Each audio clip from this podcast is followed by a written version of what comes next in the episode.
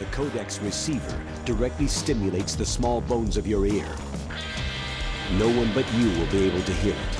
No one but you. Stay a while and listen. Nerdeprat.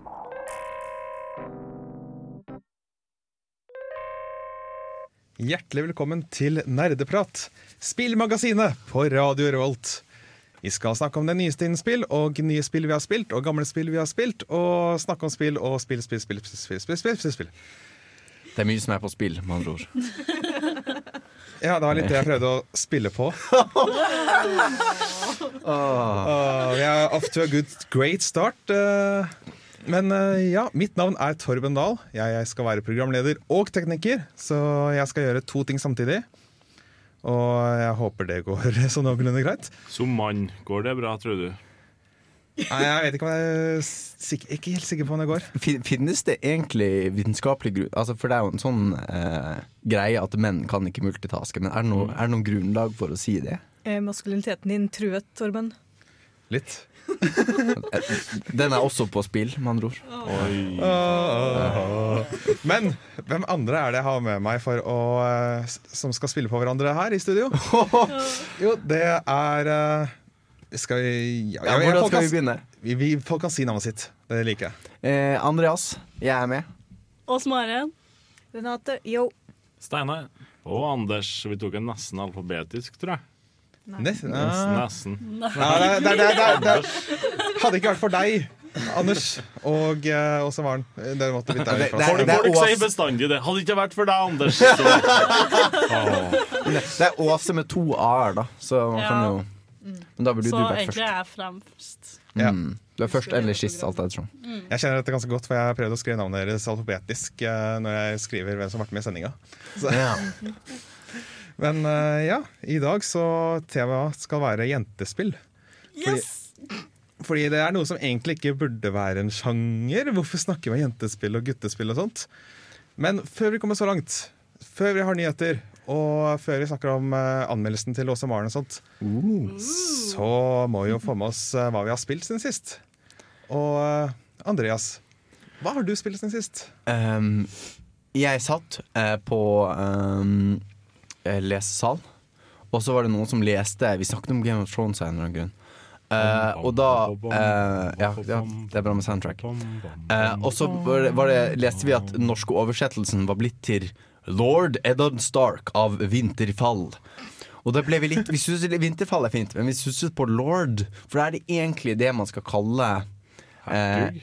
Ja, fordi vi, vi prøv, Først måtte vi oversette hva er han Og vi kom frem til at han er en storhertug For han er rett under, eh, rett under kongen. Eh, Han er en storhertug eh, Og han skal da omtales som Hans nåde Eddard Stark. Eh, Fant vi ut. Eh, Og det gjorde vi i stedet for å jobbe med bachelorprosjekt. Det minner meg veldig om eh, Det var en eh, Jeg tror faktisk det dreier seg om Du vet det Shannara Chronicles, det MTV-fantasy-serien som har begynt å gå på HBO nå. Ja, Eh, på den norske oversettelsen av den. Ja. Så hadde de på flere plasser klart å, i hvert fall på den oversettelsen jeg leste en gang på 90-tallet, så hadde de klart å oversatt uh, dagger til daggert. Daggert.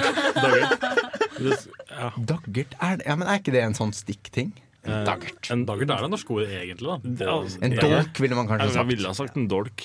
Vi lærte jo å fekte med korde og daggert på Dramateaterskolen. Jeg, jeg synes det høres ut Jeg visste ikke at daggert var et ord, men det høres ut som en sånn eh, vi må kanskje oversette, så vi setter sånn T på slutten. It's not a dagger, it's a daggert. Uh, Men i hvert fall når vi snakket om Så leste jeg på liksom alle, hvilken rekkefølge alt er i, og liksom alt dette her. Uh, og da måtte jeg bare spille Crusader Kings. uh, sånn blir det bare. Men du er ikke på salg på Steam nå? Jo, det er på salg, Uh, så det kan du jo kjøpe, kjære lytter, hvis du også liker å lese om riddere og hvilken rang som er over hvilken rang og sånn. Eh, så kan jeg anbefale. Jeg prøvde å spille det litt. Jeg prøvde for første gang å spille som en vasall. Altså at ikke jeg var en uavhengig på en måte, hersker, men at jeg var under en annen Altså jeg var da en hertug i eh, Det hellige romerske riket. Eh, så jeg var liksom under keiser et eller annet. Wilhelm, sikkert. De heter alltid Wilhelm. Um, så det var, det var en interessant spillopplevelse. Det ble litt vanskeligere å på en måte finne ut hva jeg skulle gjøre, Fordi jeg, kunne, jeg, hadde ikke, jeg har ikke like mye på en måte eksplisitt initiativ. Jeg kan på en måte ikke gå ut militært og ta noen, sånn som jeg ville gjort hvis jeg var øverst. Så det var en spennende opplevelse. Jeg, jeg, får, fikk det ikke helt til, for jeg får aldri Crusader Kings helt til. Men det, er- men det er en del av moroa. Det er en del av sjarmen med Crusader Kings. Det er en del av Crusader Kings. Ja, det, er, det, det, det, det er det som er spillet, å, å, å tape i Crusader Kings. Get good. Det er min catchphrase. Get wrecked. Ja. Ja, altså jeg, jeg, hvis jeg spiller mot uh, Åse Maren, derimot, da taper jeg veldig veldig fort, tror jeg. Nei, så Det er det jeg har spilt siden sist. Enn med deg også, Maren? Du vet ikke hva, jeg har eh, tatt et dypdykk i cute-taggen på Steam. så jeg spilte litt assortert. Jeg fikk veldig mye, veldig mye rart, veldig mye likt, veldig mye datinggreier. Yeah. Altså, det var veldig Det var helt fascinerende. Så mye var Det er én ting jeg oppdaga, at det er liksom Det er én font som går igjen i sånn 90% av disse spillene, og det er en sånn cartoonish sånn, sånn skrive, skrive i hermetegn-font. Sånn løkkeskrift-type, eller? eh? Nei, sånn eh, ikke løkke, men på en måte Litt sånn sånn Comic Sans-aktig. Ja, nesten. Bare med, bare med litt skjeve bokstaver, så ser det ut som noen har skrevet IRL, liksom. Det irriterte meg veldig. Men spilte du da datingsimulator fra begge sider, på en måte? Altså jente dater gutt, gutt dater jente-spill? Ja, For det- faktisk. For det er vel mange sånne, Jeg har sett mange av de der eh, Hunipop, er det de det heter? Honeypop. Honeypop, ja. Mm. Og det spilte jeg faktisk. Og det, det, jeg tror jeg har nevnt det på programmet før. Uh, for det er sånn bejeweled-spill med nakne jenter. Der du kan spille som både gutt og jente. Så det er veldig, veldig Er, er, er det nakne gutter også? Nei. Men nakne gutter fikk jeg i spillet Cute Demon Crashers. Som handler om at fire demoner bare kommer i huset ditt. Bokstavelig talt på veldig mange måter. Det, det høres ut som at jeg går under cute. det er det kategoriseres. Det er veldig søte gutter, da. Ja, ja. Veldig søte demoner. Altså, disse, sti, disse Steam-emneknaggene er jo brukerlagde, er det ikke? At Mm. du kan selv velge å tagge. oss. hvis nok folk gjør det, så er det på en måte offisielt. det er officially cute. Går ikke an å få gjennom, eh, gå gjennom, få gjennom taggen Demon Seaman, for eksempel. Du, du får gjøre det, Anders. Imens så skal vi føre Ivan Ave med The Circle her på Radio Revolt. Der. Der fikk du eh, Ivan Ave med The Circle. Og vi har fått høre hva Andreas har spilt. Vi har fått høre hva også Maren har spilt. Og, men vi er ikke helt ferdig med runden ennå, så derfor spør jeg deg, Renate. Hva har du spilt siden sist? Jeg har gama. Jeg har gama litt forskjellig. Jeg var jo også tok en dypdykk i denne cute-taggen på Steam. Og i løpet av den cute-tag-dypdykkingen så fant jeg også taggen nakenhet. Men det er en historie for en annen gang. uh, og da svarte jo liksom intensjonen ja, jeg skal finne kvinnfolk til spill. Og da fant jeg et spill som heter Pony Island. Høres kjempejentete ut, ikke sant? Yes, skikkelig cute. Nei. Det er ikke det. Det er, det er bisart, morbid. Er litt traumatisert Den er faktisk skalv. Um, fordi det er litt sånn et spill som liksom utgir seg for å være noe, men er egentlig ikke det. Fordi jeg har hørt om det. Det er litt sånn metaspill, på en Ja. måte. At du spiller et spill inn i et spill. Ja, jeg er iallfall inne for en, to, tre, tre, tre forskjellige spill i løpet av der. Jeg er litt som usikker på hvem min, min identitet oppi alt det her. Men det liksom, den, for, den prøver nå å være litt så søt, litt som ponies, litt som pew-pew lasers og sånne ting. da. Um, nei, jeg vet ikke om jeg kommer til å spille det ferdig, fordi det er så grusomt. Hva det går ut på, egentlig. Jeg, jeg vet ennå ikke. det er en grunn for at jeg ikke vil spille ferdig. Hvor, hvor lang tid har du brukt på spillet? Så langt, jeg tror jeg satt tre kvarter i går. Det høres ut som når jeg spilte War Fortress for første gang. Brutalt, grusomt. Nei, litt mer sånn at jeg vet egentlig ikke hva jeg holder på med. Ja. Ja, men du, du endte jo opp med å like opp spillet til slutt, ikke sant? Jo, ja, ja. Jeg tror jeg kommer til å slette spillet for PC-en min når det er ferdig. Um, så to forskjellige ting som skjer. Ja, det er sant. Ja. Mm, Purge. purge shit.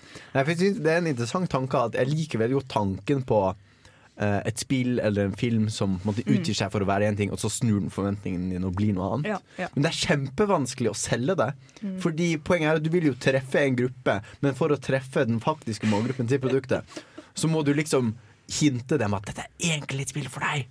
Det er ikke altså, det det krever, da, det krever at du først tar det publikummet som tror at det passer for dem, og så skuffer du dem. Og så, og så får du dem til å klage, for så den gruppa du faktisk Ja, fordi da skjønner. Ja, ja, ja. det, det som skjedde med Magic Mike, det synes jeg er morsomt. Fordi det, den øh, viser seg som en sånn mannlig stripperfilm. Se på Channing Tatum som øh, stripper, og den er superheit, og bare alle damene kommer til å digge det. Og så er det egentlig en sånn alvorlig historie om dop og sorg og Om- identitet. Og male power og friendship. Ja, og det er liksom, men det viser seg ikke før du liksom sitter i setet. Så alle de som så den, de blir kjempeskuffa, for de hadde lyst til å se masse halvnakne menn. Eller for så, vidt- for så vidt se en del halvnakne menn.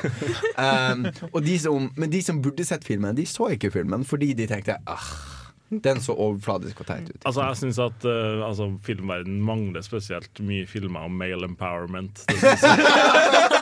Jeg til å sitere på det der. Jeg til å sitere på det altså. Og holde imot det. Det er liksom, men, menn er for sjelden helten i filmer. Jeg synes det, altså. Ja, det er tungt. Det er tungt.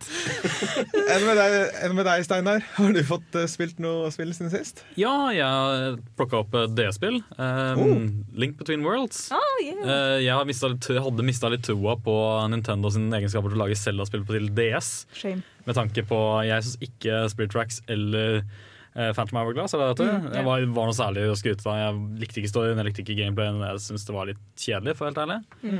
Men Link Between Worlds det har overraska meg veldig. Synes det er veldig spennende. Ja, Hva, hva, hva er det du liker med det? Nei, jeg synes Det er tøft, det dimensjonstankegangen. da At du kan gå inn, bli en skygge, kind of. Mm. Eh, hvordan du får det todimensjonalt, og så hvordan du bruker med karakteren.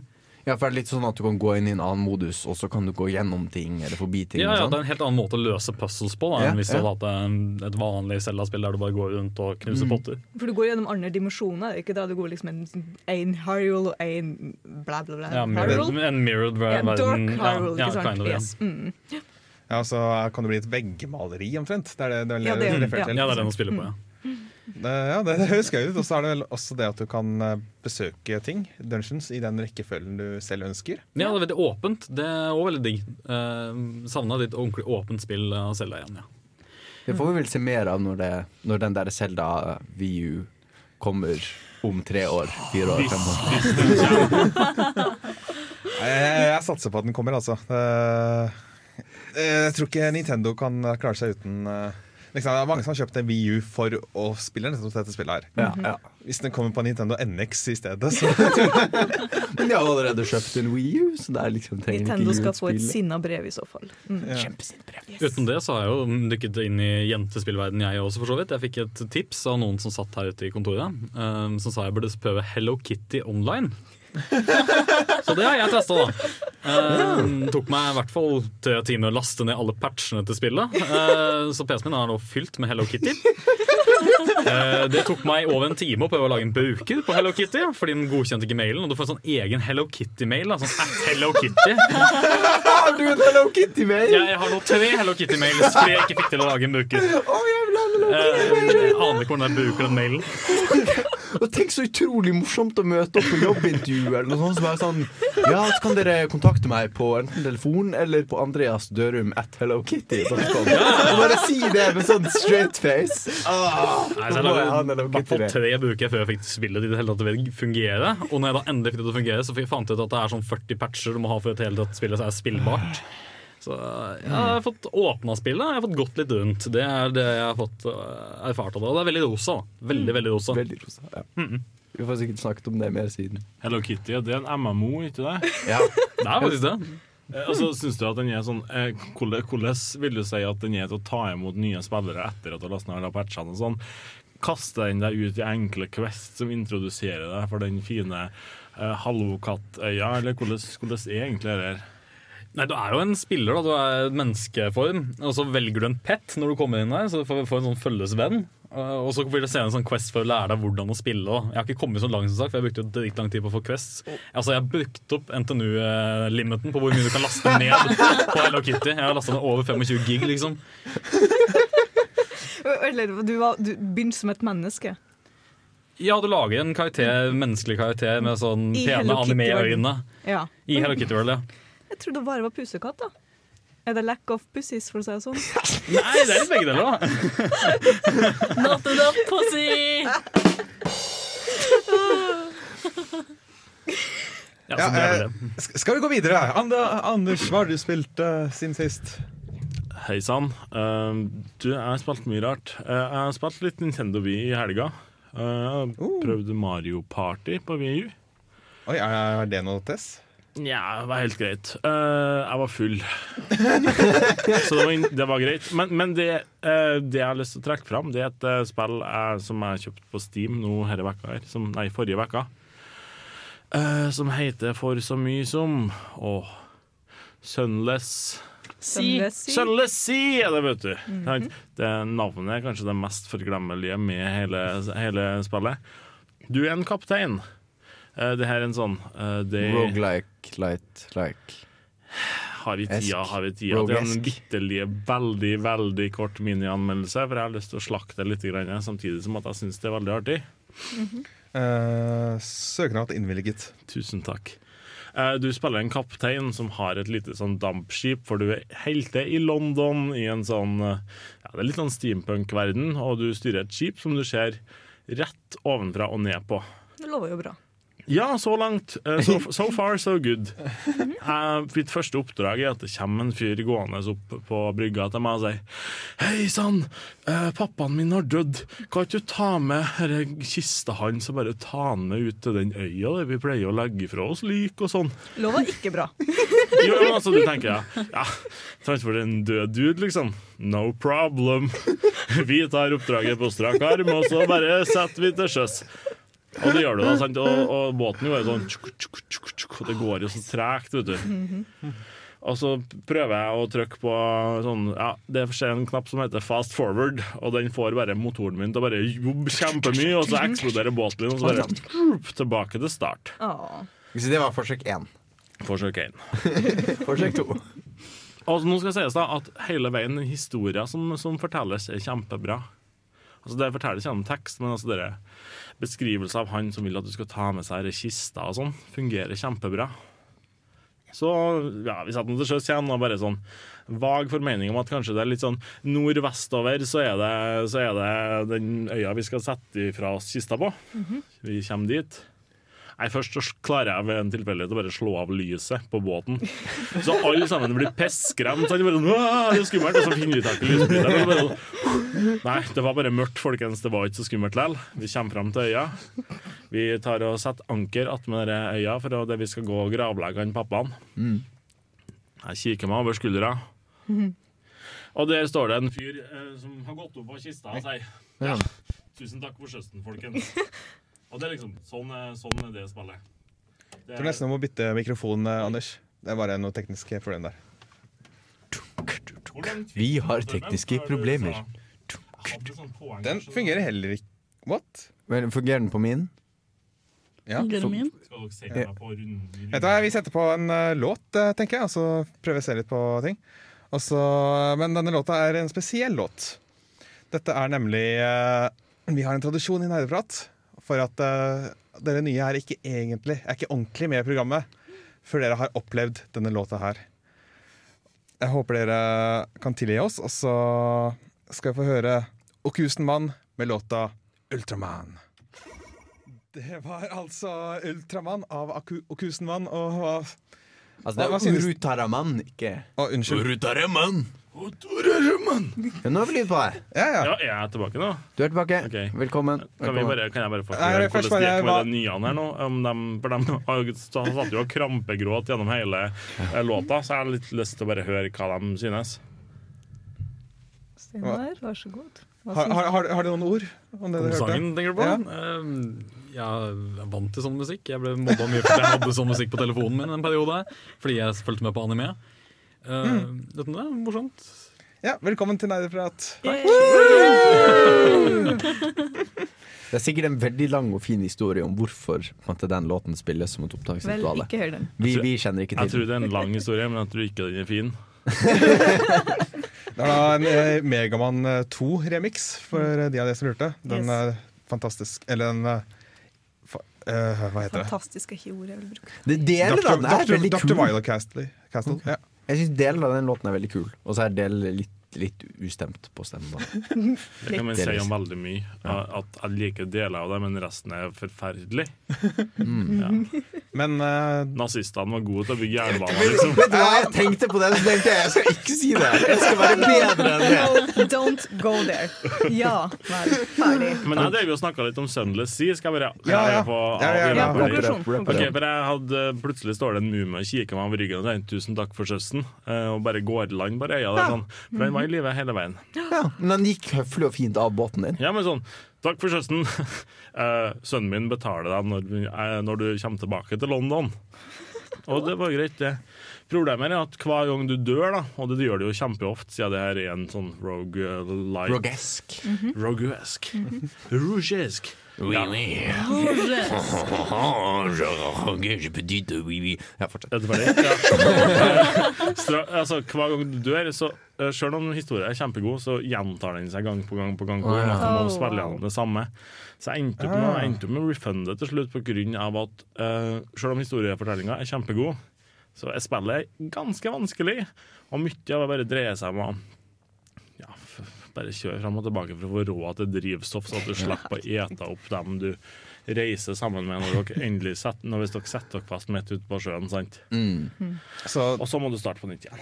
altså, det, det, er ikke særlig egnet til eh, disse rogelike-sjangertrekkene, om at du ikke kan lagre underveis.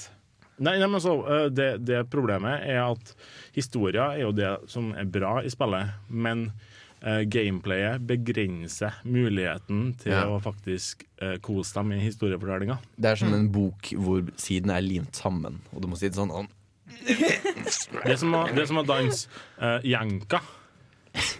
For da tar vi sånn én, to, tre fram, fram to tilbake. Ja, Papp, papp, papp, papp, papp, papp. Eh, ja, det var god. Nei, Så kapteinyrket blir ikke noe for det, ass? jeg skal ikke legge til sjøs med det første. Nei. Greit. Nei. Jeg kan avsløre at jeg har ikke spilt noe særspill spill siden sist, så det er egentlig greit at vi bare hopper over det. Men eh, Anders, du har funnet noen nyheter til oss. Ja, jeg vil ikke bli kaptein, jeg vil bli nyhetsanker når jeg blir stor. Ja, Så er det Walk to the One You Love av Twin Peaks.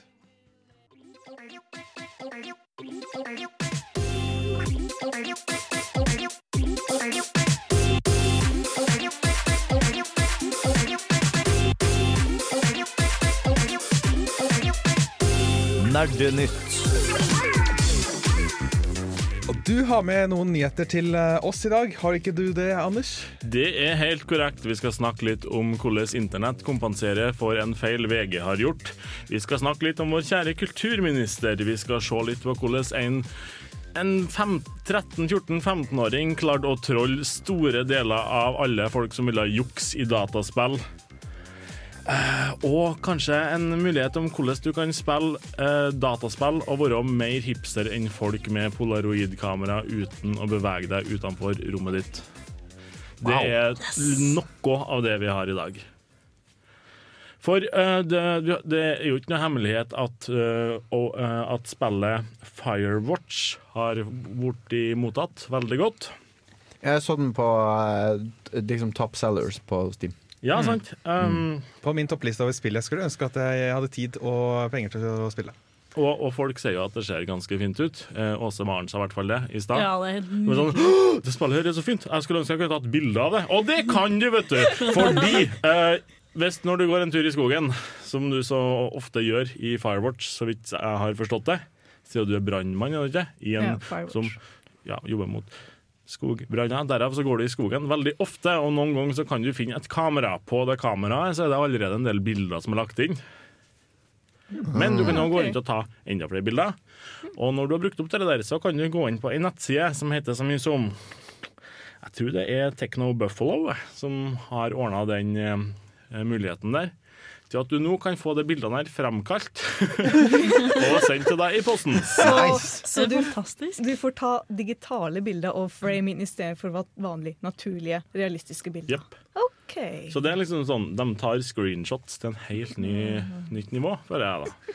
Det hadde vært morsomt å henge dem opp og se om noen hadde sett forskjell. Hvis du da bare tar- bilde av tre eller noe Ja, sånt, for så kanskje ingen hadde merket det. For det er visst litt av poenget, og at de prøver å få det til å se enda mer realistisk ut, sant? så du er ikke begrensa av hvilket Nvidia-kort du bruker. Eller sånn. Ja, Er det at de putter det gjennom eh, post-processing? Det ser ut sånn. at det er det som er planen. Altså, når du ser spillet til vanlig i action, så er det begrensa til 60 frames i sekundet. Ja, eller noe sant? sånt da, At det skal prøve å pumpe ut sånn at det har god bildeoppdateringsfrekvens. Mens når du tar et enkeltbilde, så kan jo prosessoren bruke så lang tid som man bare orker på å Ja, skulle lage en fint uh, fremkalling på det, av det bildet. Mm, det stemmer. Fordi grafikken i spillet er ganske sånn eh, Team Fortress-aktig. Ja. Ganske sånn leirete, sånn modelleire, nesten. Men du sa Men det ser det var veldig fint. fint ut, da. Ja, for, for Men det det ser er det- sinnssykt fint ut Jeg får ikke det til å stemme, da. Det er, det er litt som Team Fortress i grafikken, men det er jævlig fint! Ja, men litt sånn malt, liksom. Altså litt sånn Ja. sterke farger. Veldig Ok, sånn ja. painterly. Ja. Jeg er jo også dem som har gått inn i Firewatch-fan, da. Og jeg liksom, jeg er fint spill, jeg har sett traileren, og jeg har kommet, jeg satt en, ti, en og en halv time i går, og jeg vet ennå ikke hva jeg gjør, hva jeg handler om spillet. Jeg har ikke peiling. Det er bare liksom gå rundt se på fine naturer. Jeg er litt creeped out. Jeg vet ikke hvorfor engang, men lova veldig bra. Jeg gleder meg til å spille mer. Er ikke du sånn på alle spill, Renate? Det, hører, begynner å høres ut sånn nå. Jeg vet ikke helt hva jeg gjør, men det er litt skummelt. tror, You, you got me there. eh, et annet spill som sikkert er ganske skummelt, og som vi ikke vet helt hva vi kommer til å gjøre, men som faktisk har en parallell til Team Fortress, det er Overwatch, spillet til Blizzard, som kommer nå i juni, ikke det? Ja. Den skal lanseres. Nå er det sånn at det åpner Eller det er en ny closed beta som starter i dag. Så hvis du ikke var kjempeheldig i første, i første runde, så kan det hende at du er heldig i andre runde og får lov til å være med i betaen nå. Må tror- man signe seg opp nå, hvis man har lyst til å være med på det? Hvis du har signa opp tidligere, så funker det òg, men du kan fortsatt signe deg opp og håpe, krysse fingrene og satse på at du kanskje blir med. Jeg skal i hvert fall rett hjem og sjekke om jeg har blitt med når vi er ferdig her i dag. Jeg slenger meg på den bølgen. Jeg elsker Ja. premisset for det. Det er helt sånn spill jeg vet hva jeg går inn i, for å si det sånn. Ja, jeg har også sett haugevis av videoer, og jeg er bare sånn supergira eh, på, på Overwatch. Kan jeg snike inn en beta-nyhet-ting? Ja, ja, ja, Fordi eh, jeg leste at The Division skal ha åpen beta ikke denne helgen, men neste helg. Så den er helt åpen, så den Oi. kan hvem som helst eh, slenge seg på. ja, Så stemmer. det, det er også noe å sjekke ut. Hvis man, hvis man liker å betateste ting, så er Ja. det Hvis man liker å spille eh, gratis spill, på en måte. Altså, Det er jo eh, for. Ellers så er vel eh, hva heter det, Early Access fortsatt en ting? En, en inntil videre, inntil videre. Bare vent. Bare Hvor vent. man betatester ting og betaler for det! Åh, jeg elsker Early. Access. Uansett, uh, Level Up var jo serien til VGTV som plutselig Eller ikke, det var vel ikke en sånn kjempeoverraskelse, men det Var det det? Syns du det? Ble du overraska, Torben? Når de fant ut at OK, vi får eh, dessverre ikke muligheten til å vise noe mer eh, Level Up her på VGTV. Jeg var litt overraska, for det er jo et veldig, var jo et ganske suksessrikt eh, show. da Selv om Ja. det hadde gått litt ned i popularitet. Men, så, eh, men, men altså, i sånn stort sett så virker det som at det er mer ting som blir nedlagt enn oppretta i Norge for tida, når det kommer til spilljournalistikk. Ja, det er sant. Så Sånn sett så var det ikke den største overraskelsen. Men, men det viser seg nå at de har planer om å Uh, Go indie. Ja, go indie. Eh, de, har, de har vel fått noe fallskjerm og sånn, så de har litt eh, kapitaler med seg på tur ut. Ja, Sånn sluttpakke fra VGTV. Men altså, fikk de sparken fra VGTV? Eller liksom Nei, eller, nei, nei. eller er det sånn at de, de kunne fortsatt å jobbe i VGTV, men fordi de ville jobbe med spill, så måtte de slutte? Det som skjedde, Ja. var at de fikk beskjed om at uh, vi legger ned Level Up. Mm. Uh, dere har fortsatt jobb i VGTV, uh, men det er ikke sikkert at det er spill dere kommer til å holde på med utover. Nei. Det, Det kan være liksom at de skal Reportasjer hjem og om duer. politikk. Ja, sant. Er bare ja. Prøvde å komme på Politiske interessant. duer. Clickbait. Du vil ikke tro hva denne politiske duen gjorde! Slik fikk spilljournalisten håret tilbake! Nei, det var Oi. Det var en Nei. Men uh, de har òg oppretta en bruker på sida Patrion nå, der du har muligheten til å gå inn og betale uh, enten en sum Hvordan sier dere det der, eh, Torben? Jeg satt og kikka litt på det. Patrion, Patreon, så uh, i hvert fall Patreon kan nesten sies å være en kontinuerlig kickstarter-type ting. Ja. Hvor du kan uh, velge å si at ja, du, uh, Rune og Carl de skal få fem dollar i måneden. Og siden du har betaler, eller donerer fem dollar i måneden, så får du også en belønning. I dette tilfellet så er det liksom bakenfor videoer som ikke andre får. Ja, for, for de gjør det per måned. Fordi du kan velge om du skal gjøre det per måned eller per på en måte, produksjon. Per release, ja. Ja, for det er noen YouTube-folk som gjør det per video, eksempel. Ja, shit, det var det jeg trodde det var sånn, jeg òg. Det var derfor jeg var litt, eh, var litt eh, spent på det. Men det viser seg at det er per måned for dem, og så langt eh, så ligger de på at de får utbetalt 50 000 blanke norske kroner per måned. 50 000? 50 Det 000! er, vel 50 ikke, 000? det er vel ikke helt så er ikke mye. Patrion tar er- vel en del. Jeg vet ikke hvor mye Patreon tar Patreon jo litt, men uh... Altså, det er ikke, det er ikke Altså, det høres mye ut når jeg hører tallet, og så tenker jeg dette er to mennesker som skal leve av Men, men, men altså når jeg, sa, ikke- men er- når jeg er sa 50 000 nå Jeg sa 50 000, det var for at det var det tallet jeg hadde her i stad. Jeg skal bare Mm. regne noe med nå, for jeg ser at du har fått nye tall på det. 6796 dollar. Ja, 6700 dollar. Det, er- nå er det begynner å nærme seg 60 000 kroner. Oi, det er ikke verst. nei. Ikke så dumt, det. Det er ikke verst. De har, eh, I likhet med Kickstarter så har de også visse mål som de kan oppnå. Ja. Og de har allerede nådd målet ro i sjelen. og, men de har også nådd målet reklame. Nei takk. Så de skal ha skrudd av reklamen på Wow. YouTube. Fordi at de får eh, nok penger i, fra folk som har lyst til å støtte dem. Nei, det, det er jo interessant at måte, VGTV legger ned fordi de trodde, trodde tydeligvis at det ikke var livlaga, men altså tydeligvis kanskje likevel. Altså Det vi ser her, det er en annen måte å finansiere ting på. VGTV kjører jo den gamle, tradisjonelle annonseringsmodellen. Ja. Hvor de får noen få kroner eh, om noen kroner over hodet, kanskje noen øre, for hver gang de, eh, denne an- annonsen blir, sendt, blir spilt for noen. Mens her så er det folk som eh, frivillig betaler for eh, Eller som ikke betaler, men som donerer penger for noe som da er tilgjengelig for alle. Og eh, det vi lurer på om dette kan åpne døren for at andre også kan bruke dette som en forretningsmodell. da. Kunne finansiere på den måten. For det er kanskje sånn at selv om det ikke er så mange som er interessert i norsk spill- spilljournalistikk, så er de som først er interessert i det, er veldig interessert i det og villig til å betale for det. Jeg tror ikke folk ville vært villige til å betale så mye for liksom en sånn clickbait-video, men folk klikker på det. Ja, når det handler om å legge liksom, si, pengene der munnen din er, så er det måte Så kan nisjemarkedet være bedre, da. Ja, Har de kommet med noen grunn til hvorfor, det, hvorfor de tar det ned? Eller er det bare det at de føler at det ikke er populært nok lenger? Eller? Og VGTV, de, Ja, VGTV. VGTV var utsatt for eh, kutt. De måtte kutte. Så da så de på det de hadde av produksjoner og sa at eh, dette smerter hjertet vårt, men vi er nødt til å kutte level up. Fordi at det gir ikke nok avkastning, kan du si. da. Ja, ok, så bare ble kutta. Ja, ok, skjønner, skjønner. skjønner. For, for, for det er jo uh, Det er ca. 700 backers så langt. Ja. Eh, og det vil si at hver person kanskje har backa med sånn i gjennomsnitt um, 10 dollar nå. 60-70-80 norske kroner. Ja. Vi kan jo se, hvis du går til bunnen Og, ja, men altså, hvis du tenker deg om, da. Uh, hvis du har en serie som du faktisk liker veldig godt, uh, og, og har lyst til å være med og backe opp, sånn som da f.eks. Level Up, så du betaler ikke noe mer for det der enn du betaler for en Netflix-bruker i en måned, f.eks. Det er ikke en stor sum, egentlig. Nei. hvis du bare lar være å kjøpe et par cola i måneden, så har du én øl, liksom. Det er én øl i måneden. Kaffe Ut på byen. Jo, men altså, så, Det er så enkelt å tenke sånn, men det er så vanskelig å faktisk gjennomføre det. Altså, en øl mindre, tenker du? Nei, altså sånn Ja, hvis jeg ikke kjøper det her, og så ikke kjøper det her, og ikke kjøper det her, da sparer jeg mye penger. Men, men du sitter ikke igjen med den summen i, på visakortet på slutten av måneden lell. Nei. Det er ikke sånn. Det er jo bare at du omprioriterer hvordan du bruker pengene dine. Det er vondt å legge fra seg ene ølen Ja. Men altså, Patreon har jo blitt en sånn livsbåt i denne alderen av adblockere. da. Mhm. For det er mange som har på adblockere. Det er sikkert mange, altså Spesielt blant gamere tror jeg det er veldig mange som bruker adblock.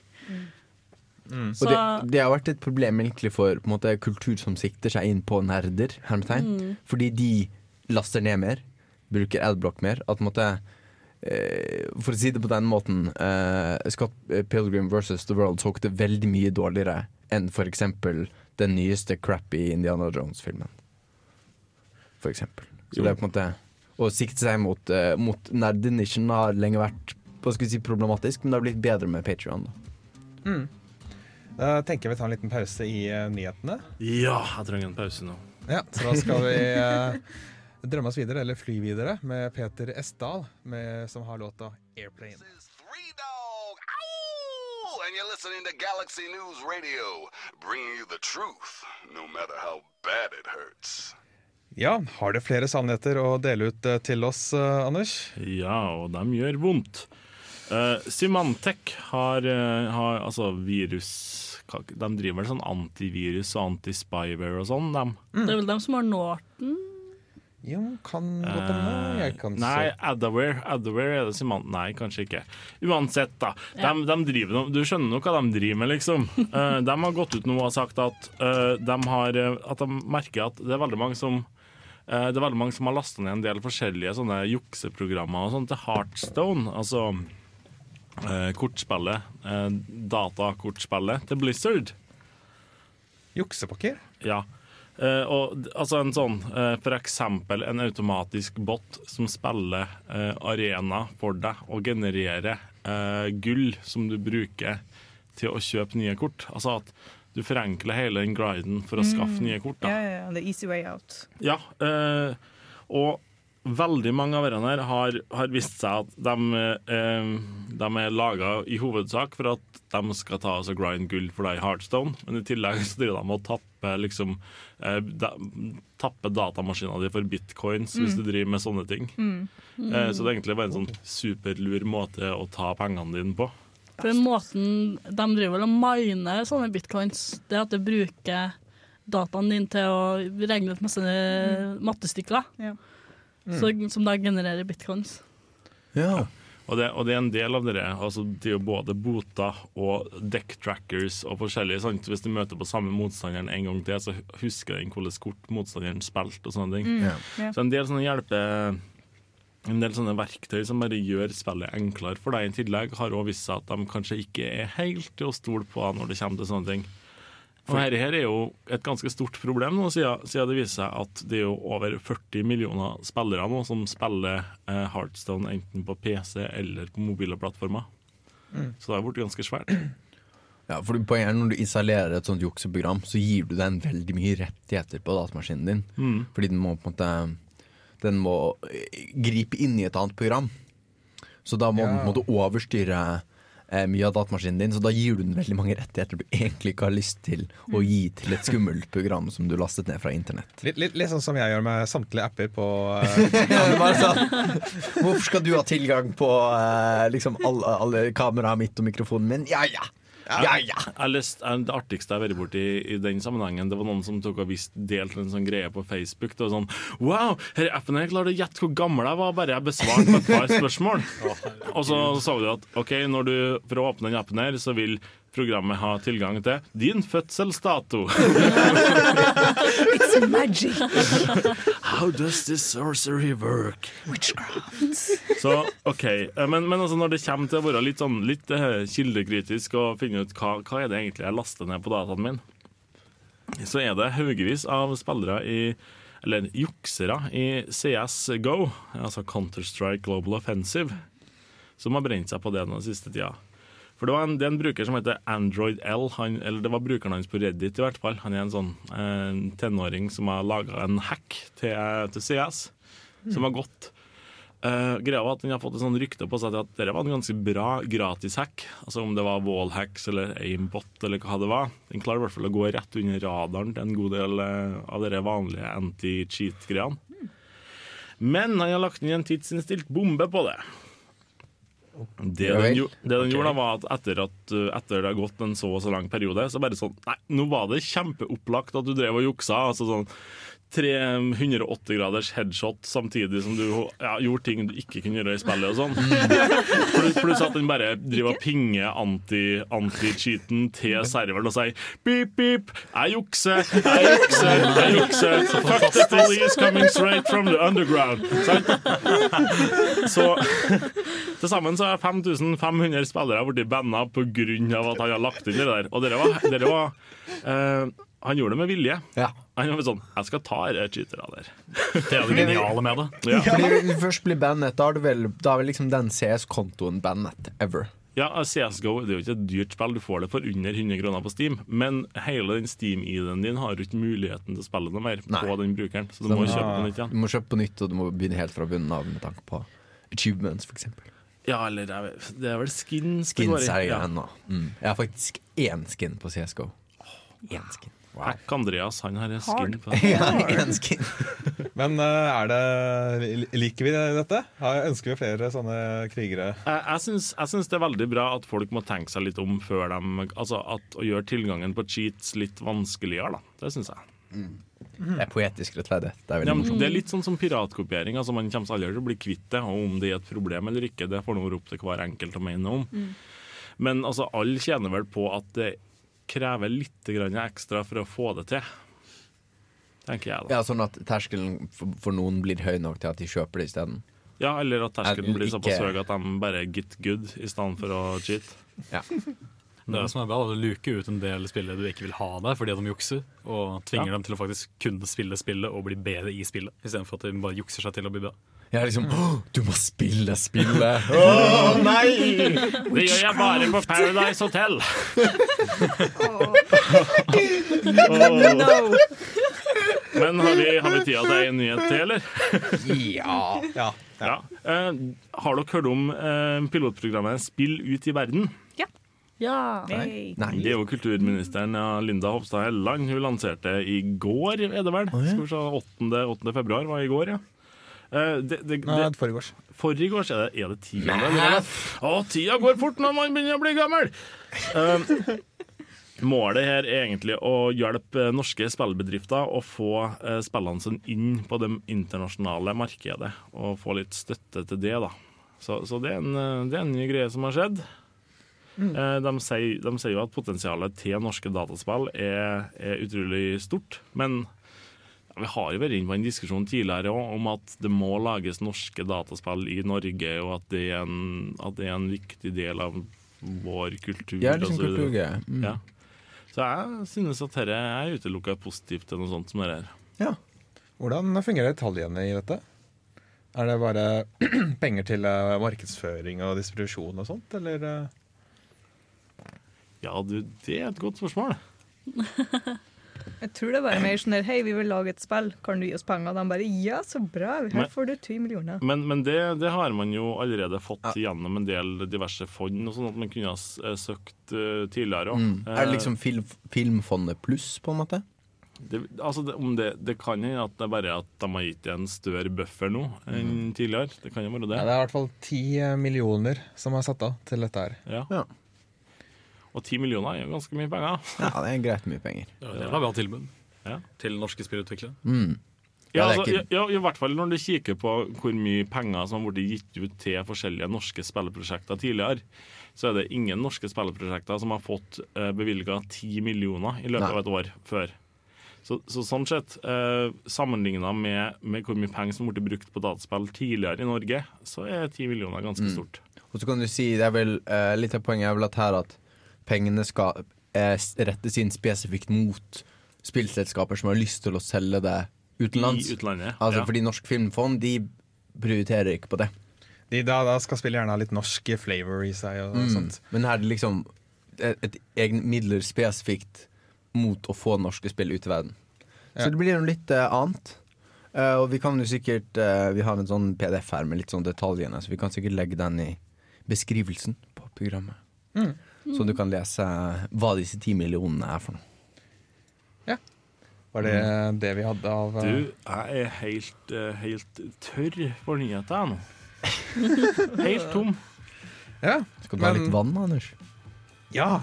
Mens vi fyller vannflaskene våre, så skal du få høre ei låt. Og etter det så skal vi eh, se på anmeldelsen til eh, Åse Varen. Høre på, mener jeg. Her skal du først få Mercury Rise av Electric Eye.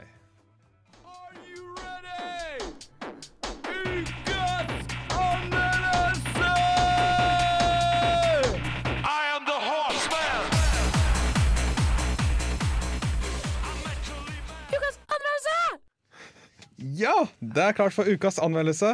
Og eh, Åse Maren, hva er det du har spilt og anmeldt for oss? Jeg har spilt New Style Boutique 2 Fashion Forward utgitt av Nintendo til 3DS i fjor.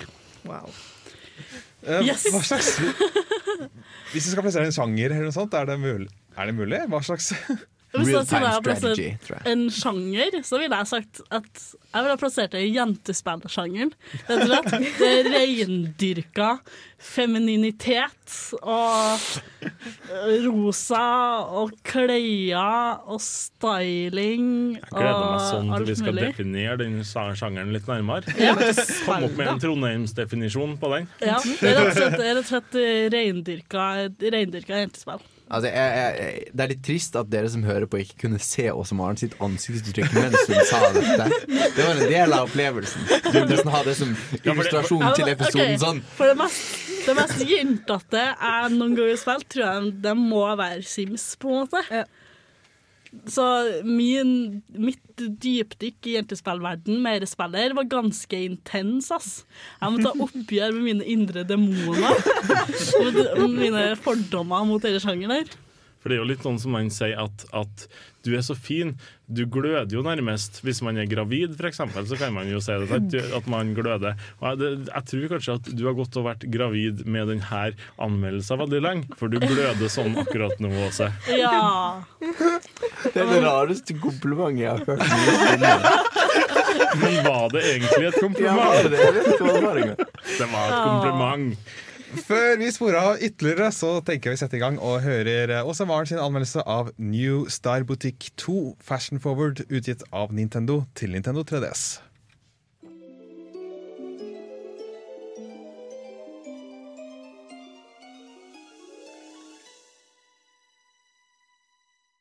Historia kan ikke bli mer enkel.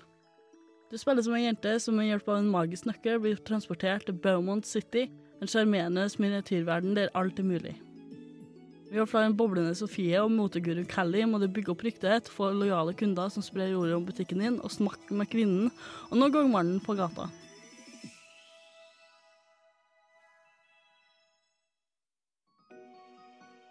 Selve spillet er en livsstilsimulation som definitivt retter seg mot unge jenter. Her er en sjanger som ofte er stappfull av mikrotransaksjoner, spill som ikke tar sitt publikum seriøst, og Fashion Forward er et godt avbrekk fra RR.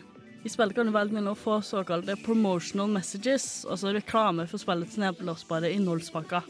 Jeg takker selvsagt nei, og merker aldri at jeg savna mer innhold. Her gjør spillet noenlunde unikt til dagens marked, og et friskt pust i en ellers ganske dyster jentespillverden, der fokuset ligger mer på å tjene penger enn å gi folk en god spillopplevelse. I midten av designinga, og klippinga, sminkinga og stylinga kan du ta en pause og gå rundt og utforske Beaumont City, eller innrede ditt eget magiske dukkehus. Begge er gode pauser for gameplay som kan føles hektisk til tider, og gir deg ting som klesfarger og møbler. Selv om det føles som en pause, er dette også en viktig del av spillet. Du blir kjent med kundene og vet bedre hvilke klær de faktisk kommer til å like, utover stikkord som cute, girly og cool. Husinnredninga kan bli overraskende vanskelig etter hvert som du kjemper om plass og finner rett mini eller møbel til rett tema. Fashion Forward har en enkel og fargerik grafikk som passer godt overens med svellets fantasiatmosfære og Sims-aktige musikk. Veldig mange av animasjonene, klærne og musikken minner om en japansk musikkvideo, men det er ikke så overveldende, og du kan enkelt gå for en mer vestlig estetikk i stylinga uten å bli straffa for det. Spillet slår en god balanse mellom å være veldig østlig og mikse inn vestlige elementer, som er særlig synlige i hvordan Beaumont City er utforma. For som nettopp navnet tilsier, er hele verden veldig franskinspirert. Og har du spilt de nyeste Pokémon-spillene, vil byen virke veldig kjent. Annet enn det er det få ting å utsette med Fashion Forward. Målgruppa er utvilsomt mindre kresne gamere, men spillet står på egne bein som en god opplevelse for folk i alle aldre. Her er et spill som du kan plukke opp etter flere måneder og fortsatt ha det artig med.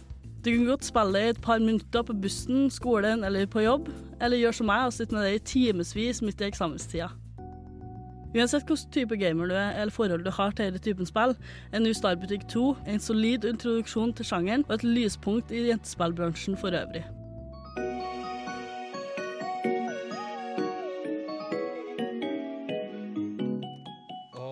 Før vi hørte New Style Boutique 2 Opening Theme, så hørte vi også Marens anmeldelse.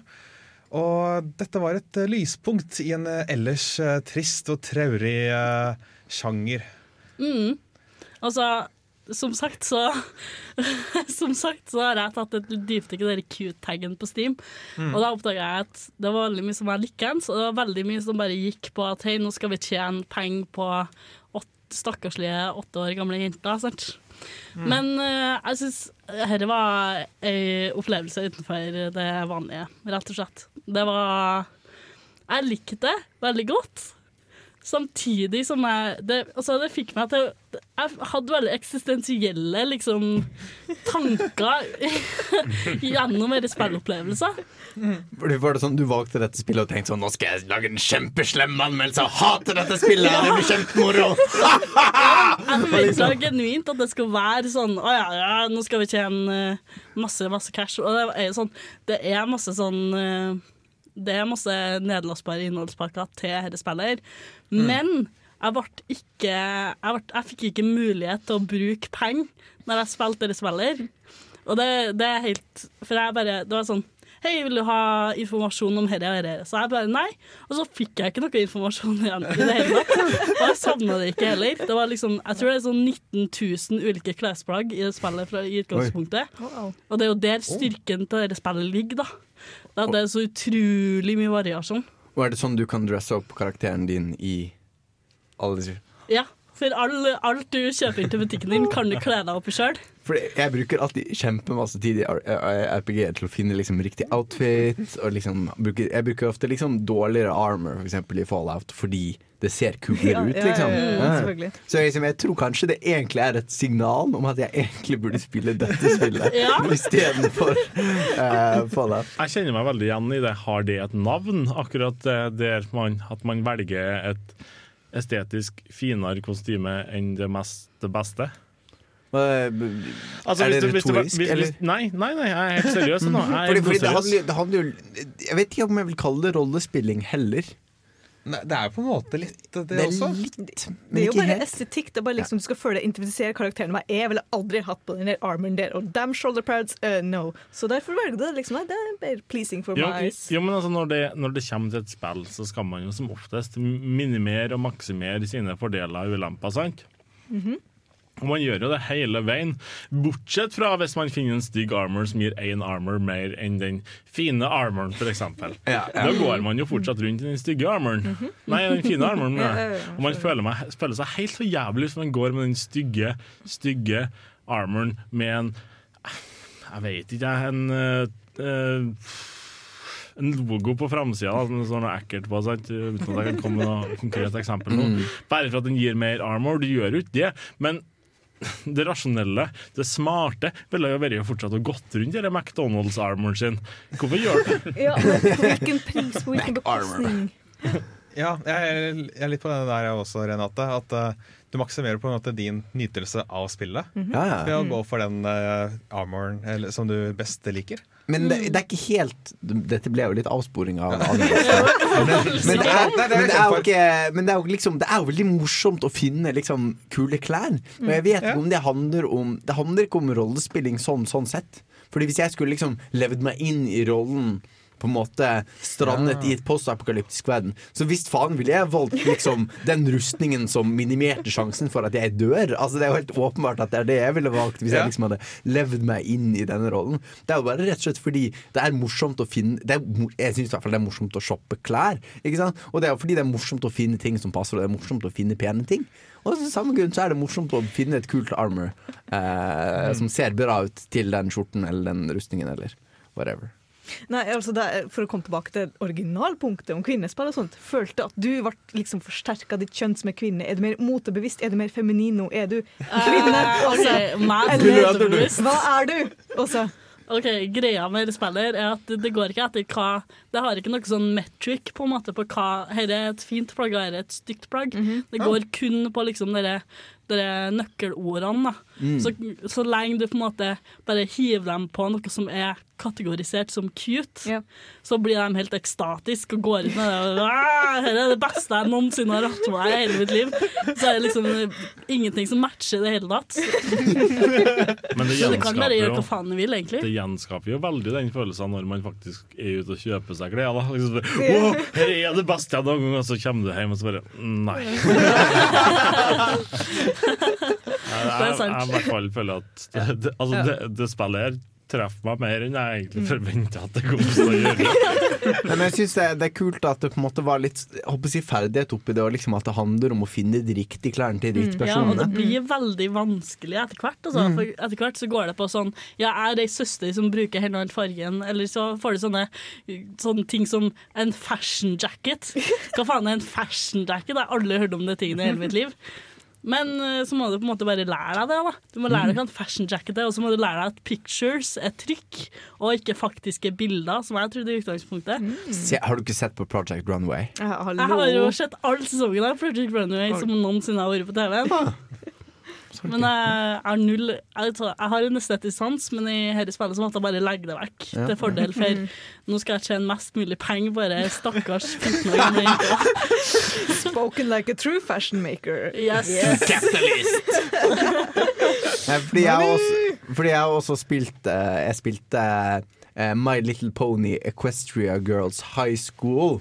eh, I forbindelse Altså i forbindelse med dette programmet, ikke sånn på min in my free time. Um, Vi kan jo kanskje snakke om det litt senere. Når vi, vi skal, dette er jo tema for Vil du virkelig snakke om det? Ja, ja, ja, jeg synes- ja, vi snakker om det. Ja, fordi det, det var, det var Der var det også et sånt kleselement, men det var liksom ikke noe ferdighet der. En måte, jeg, jeg tror jeg kunne likt godt om det liksom var en mer sånn finn det riktige plagget til den fotoen. For de gjør sånn photoshoots og sånn. Litt smak og behag, rett og slett. egentlig. Ja, ja, ja, og ikke bare sånn altså det, det er en type oppdrag i spillet hvor du skal gjøre photoshoots. Og da handler det bare om å liksom gå rundt og spørre alle fram til du får de, de riktige plaggene. For du får liksom beskjed om hvilke tre plagg du skal ha, og så må du bare gå rundt og spørre alle. Og det er ikke noe ferdighet involvert. Det er liksom bare å spørre alle i hele, på hele høyskolen, og så finner du det til slutt, og så tar du en, en photoshoot med de klærne på. Så, det, er ikke, så det, det var litt sånn det- Vi kan snak, kanskje snakke mer om det spillet senere, for det er mye, mye å si om det spillet. Men, eh, men, eh, men det var en interessant å høre om at denne sjangeren også kan gjøres riktig. Liksom, det er ikke det at sjangeren i seg selv er gal, det er det at det bare ofte er blitt gjort veldig lazy og veldig dårlig. Fordi man kanskje tenker at dette er en, en målgruppe som ikke er kresen. Mm. Altså Styrken til dette ligger jo i at det er så at det, altså den mengda av innhold og den variasjonen, da, og det at det faktisk er laga for at her skal vi nå ut til folk som ikke kanskje liker de mer tradisjonelle spillene. Og så skal vi ta det seriøst, da. Og det er det som skiller det fra veldig mange andre spill. At det tar på en måte en målgruppe seriøst. Som kanskje ikke blir tatt seriøst så ofte. For man tenker bare å, så lenge vi bare tar noe et eller annet rosa, så blir det fint, sant. Så selger det masse, og så Men eh, ja, jeg syns det var et eh, fantastisk spill, egentlig. Ja, en Solid anbefaling fra oss som var der. Ja, Hvis du har en 3DS, kjøp det spillet, ass. Nå skal du få ha-ha-ha yeah av White Denim. Jeg elsker navnet. Og så skal vi få ukas spørsmål og eh, litt mer jentespillsnakk etterpå.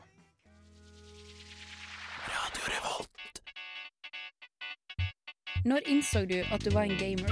Dersom du kunne spilt kun et spill i et år Hva er det eldste spillet i backloggen din? Og du var på en øde øye i helvete mens du var 11 år gammel Hva har du lært fra spill som du har fått nyte av i hverdagen?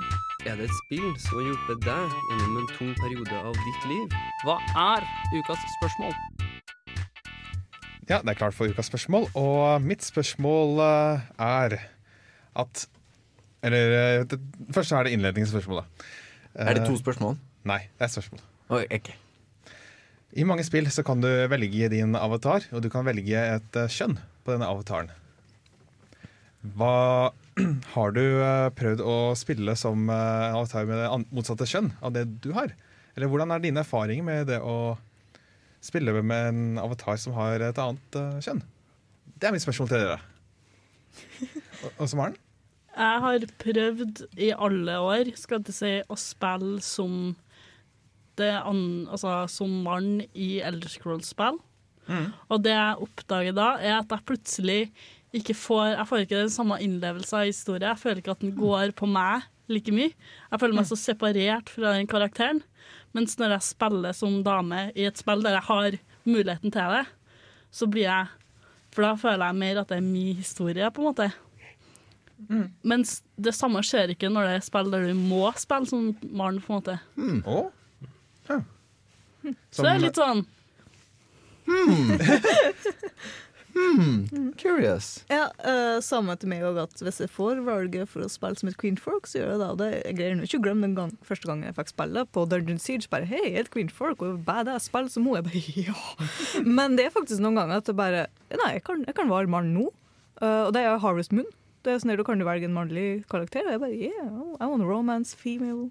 And farm like a male. Way. Så, men nei, oftest er det kvinnfolk det går i.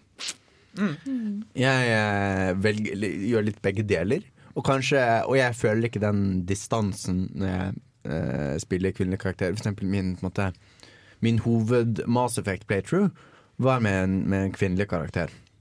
Ja, fem, fem Fem, female fem kjepp. ja. Um, og jeg lurer på om det er fordi jeg på en måte Standarden hvis, hvis man ikke kan velge, så er det ofte en, en mannlig karakter. Sånn er på en måte spilleindustrien Ja, i dag. dessverre. Med, med, med veldig få unntak. Merced, for eksempel. Men med, med, med, med, med noen unntak så er det stort sett at jeg på en måte standarden er til å spille mann. Så det er kanskje derfor jeg på en måte ofte når jeg får valget, ikke føler jeg må velge mann. Fordi det på en måte Da kan jeg liksom veie opp litt med å spille en, en, en dame for en gangs skyld. Mm. Men det jeg merket er at ofte, hvis, ofte i rollespill, da hvis jeg skal spille en en maskulin karakter, så velger jeg å spille som kvinne. For eksempel Renegade playthroughen min er med en kvinne. Eh, mens hvis jeg skal spille en mer sånn softy, så spiller jeg det som en mann. Yeah. Og jeg lurer på om det er litt for å på en måte balansere litt, eller hva Ja. det er. Men, eh, men jeg syns det, det, liksom, det kledde uh, Femshep veldig godt å være renegade. Jeg synes Mm. det, det, liksom, det kledde henne og altså, Til Mm. hvilken grad det liksom ble meg, jeg vet ikke. Men liksom, det ble en veldig kul historie med hun liksom Dama som ikke tok dritt fra noen og headbuttet en uh, Cragen Krogan. i uh, Krogan i, i hodet og bare Det var liksom Ja, det er liksom eh, Fuck the patriarchy. ja, sant? Det ble en veldig, det ble en veldig god historie. Så det, det, synes, det er kanskje derfor jeg velger å gjøre det på den måten. Men, Mm. Ja, det er der jeg er. Jeg, jeg velger gjerne en karakter ut ifra hva det passer til historien. Da. Da, gjerne spiller jeg allerede vet litt om bakgrunnshistorien til. Da. Så hvis, det, hvis jeg syns en karakter passer bedre som en kvinne, så vil jeg velge en kvinnelig karakter. Mm. Og jeg føler at jeg, passer, at jeg kommer meg mer inn i karakteren og lever meg mer inn i karakteren hvis jeg vet at den passer inn da, som kvinne. Da betyr det ikke noe for meg om jeg er mann eller om karakteren min er kvinne. eller videre, Det interesserer meg ikke, fordi jeg lever meg inn i rollen som kvinnelig archer, for eksempel. Da, som er, jeg velger ofte archer-kvinner. Mm. Jeg vet ikke helt hvorfor, men det er, jeg ser for meg archer-kvinner som kule, mer powerful. Ja. Men jeg, altså, det jeg merker spesielt Det det er jo sånn For vi tar jo på en måte utgangspunkt i sånn som det er nå. Og sånn som det er nå, så er det, sånn, så er det jo ubalanse mellom kjønnene. Så når vi da kan ta en playthrough i et spill da, der vi på en måte bare bryter det, så Mm. blir det en sånn sterk det blir nesten, Spesielt hvis du er dame sjøl, så blir det en sånn veldig sterk opplevelse. Det blir en sånn Bare fuck alt! eh, jeg vil bare, apropos det, så vil jeg har du, har du et svar på spørsmålet først, Anders? Så kan Nei, du jeg har et oppfølgingsspørsmål, egentlig. Til henne, til Til dere alle. Ok, fordi, da vil jeg, fordi jeg så Mad Max Fury Road Yeah. eh, forleden dag, liksom to dager siden. Og den syns jeg passer godt inn i en stund, for der har du Hvis du ikke har sett Mad Max Fury Road, se Mad Max Fury Road! Den er amazing! Amazing okay, på alle måter. Den er amazing på alle måter Og den har en veldig veldig sterk kvinnelig karakter, uh, Furiosa, som jeg syns er på en måte et sånn Altså, den filmen føltes mindre som liksom en feministisk film, og mer på en måte en magisk transmission Mm, fra mm. framtiden. Mm. Hvor på en måte det bare føltes helt naturlig. For det var liksom Det var ingen som kommenterte på Uh, på liksom at skal, skal du liksom kjøre den store Ja. bilen? Du er jo dame. Eller skal du liksom være best til å skyte? Du er jo dame. For ingen, alle bare liksom ja, Furious er best Ja, til å skyte. Det er liksom Ja. Har alltid vært best til det. Det er liksom Mm. ikke noe Noe vi tenker på i den delen av byen, holdt jeg på å si. Altså, jeg så den norske TV-serien 'Kampen om tungtvernet. Og da, er sånn, da viser det seg at en av de Hun er vel eh, veldig høytstående i det systemet der, da. Eh, Det, I etterretningstjenesten i ja, eh, i, i London under krigen. Var, var ei dame, og da er det en som kommer med en sånn kommentar, da. Sånn Ja, men du er jo Ja, dame, jeg veit. Og det, da, da ble jeg med en gang sånn Det blir en sånn reminder på din plass, da, på en måte. Mm. Og det syns jeg var litt kjipt, egentlig. Ja, jeg syns det virka mot sin hensikt. Litt sånn der, ja, OK, kult for at du da må gjøre sånne ting. Det er veldig sånn gjenbrukt. Ja, det bare Mm. minner meg på at det Mm. liksom Å ja, i denne alternative verden Mm. Eller kanskje ikke så mye dere Altså Basse, som- Men, men at på den tida så Ja, men altså, jeg vil ikke Når jeg vil se historier, så vil jeg på en måte se historier som er noe jeg ikke har opplevd, på en måte, eller ikke kan oppleve. Og da blir det litt sånn Når jeg bare, når jeg bare får det allerede det jeg har opplevd hele livet, så blir jeg en litt sånn Ja, ja OK, Ja, takk. takk for påminnelsen. Ja, Men du hadde et oppfølgingsspørsmål, Anders? Nei, jeg bare, jeg bare tenker at eneste gangene jeg gjør litt sånn bevisste valg på hvilket kjønn jeg spiller, eh, sier jeg fra min privilegerte posisjon her jeg står, eh, er, er liksom hvis det gir meg noe eh, in game-fordeler eller ulemper. Altså at ene er hard mod eller Mm. sånne ting. Ta for eksempel bare et, et eksempel jeg bare trekker fram fra rett ut av rumpa mi nå. Eh, Mario Kart, for eksempel. Sant? Der har du haugevis av forskjellige karakterer. Noen er manner, noen er damer, noen er dinosaurer, og noen er aper. Eh, og, og de har jo forskjellige egenskaper. Er det det samme da, hvis, hvis du f.eks. ved å spille eh, Peach eller eh, Rosalind eller noe sånt, kjører fortere, men tøler mindre f.eks., gjør det det enklere, eller gjør det det vanskeligere å velge, velge karakterer med samme kjønn eller motsatt kjønn som deg?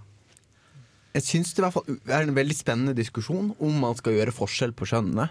Altså det er jo I noen, i noen spill så, I veldig mange Ja, spill så gjør man ikke bare rett, Altså, det, det er ikke at man gjør forskjell på kjønnene her, man gjør jo bare en forskjell på, På eh, karakterer. På karakterene, At man liksom ser Ja. bort ifra kjønn? Liksom at det, ja, ja, ja, men altså, fordi veldig mange For eksempel i World of Warcraft så spiller det ingen rolle hva slags kjønn karakteren har. De er, det er på en måte en kosmetisk Mm, forskjell. mm. Det er ingen, ingen forskjell utover det. Mens i Mountain Blade, for eksempel eh, som er sånn uh, Det er satt, satt i en slags uh, middelaldersetting, og er på en måte laget for å være veldig sånn som europeisk middelalder var. Så du har på en måte uh, samme sånn struktur på liksom kongen og hertuger og sånn som det. Og der er det en fordel å være mann, fordi på en måte kongens menn tar deg mindre seriøst hvis du, hvis du er dame. Det er på en måte Å ja, skal du lede den her? Du er jo dame. Og i akkurat det spillet så syns jeg det er litt interessant, fordi du kan få en litt annen spillopplevelse ved å spille dame, og det, måte, det kan gi noe mer til spillet. da At det kan være litt sånn spennende Igjen en spennende historie Mm. om liksom eh, smed, smeddatteren som laget sin egen banditt eh, eh, liksom, og beviste for alle at på en måte hva hun dugde til. At det, det kan være et spennende narrativ. Så da kan det gi mening å, å skille på Mountain. Blade er jo også veldig sånn at uh, hvis du er smeddatteren, uh, Mm. sammenlignet med vår s- sønn til smeden, så gir jo det deg forskjellig utgangspunkt i hvilket utstyr du starter med, Mm. hvor mye penger du har når du starter. Uh, kanskje òg i stats. Jeg har ikke sjekka forskjellen på stats på kjønnene. Eh, Ja, det vet jeg ikke, men det er i hvert fall, det er for, for hvert fall om du er smeddatter eller kongedatter, har mye å si på, på stats. Men Mm. eh, ja. Ja, altså, i det jeg kjempe når, det, når du snakker om forskjeller på kjønnene i spill, tenker jeg med en gang på Crusader Kings. Ja. Uh, for det er sånn at Hvis du spiller som dame, så blir du òg tatt mindre seriøst. Du får sånne minus. Folk ser litt ned på deg. og Sånn. Mm. Og så i tillegg så må du på en måte få litt sånn Du må gjøre lovendringer på en måte som er veldig upopulære da, for å få dine døtre på tronen. Sant? Så da kan du på en måte Da kan du plutselig få en situasjon der du må Jeg spiller blant annet som eh, Akkurat nå så spiller jeg som ei dame som er den siste carlingen. Eh, som har et sånn enormt kongehus på et eller annet tidspunkt. Mm, mm. Og da, det situasjonen min er da, er at jeg er i et standard, sånn, et standard ekteskap som gjør at jeg må drepe han for at ungene mine skal arve navnet mitt og dynastiet mitt. Og da, da kan du skape en så veldig interessant situasjon, da, der du plutselig får at hun ene carlingen, som var liksom en count, eh, plutselig jobber seg oppover i systemet. Var det et vanskelig valg å ta? Jeg drepte den. Den så jeg ikke kom. Jeg gikk prisoneren med en gang, nesten. Jeg fikk tyrant.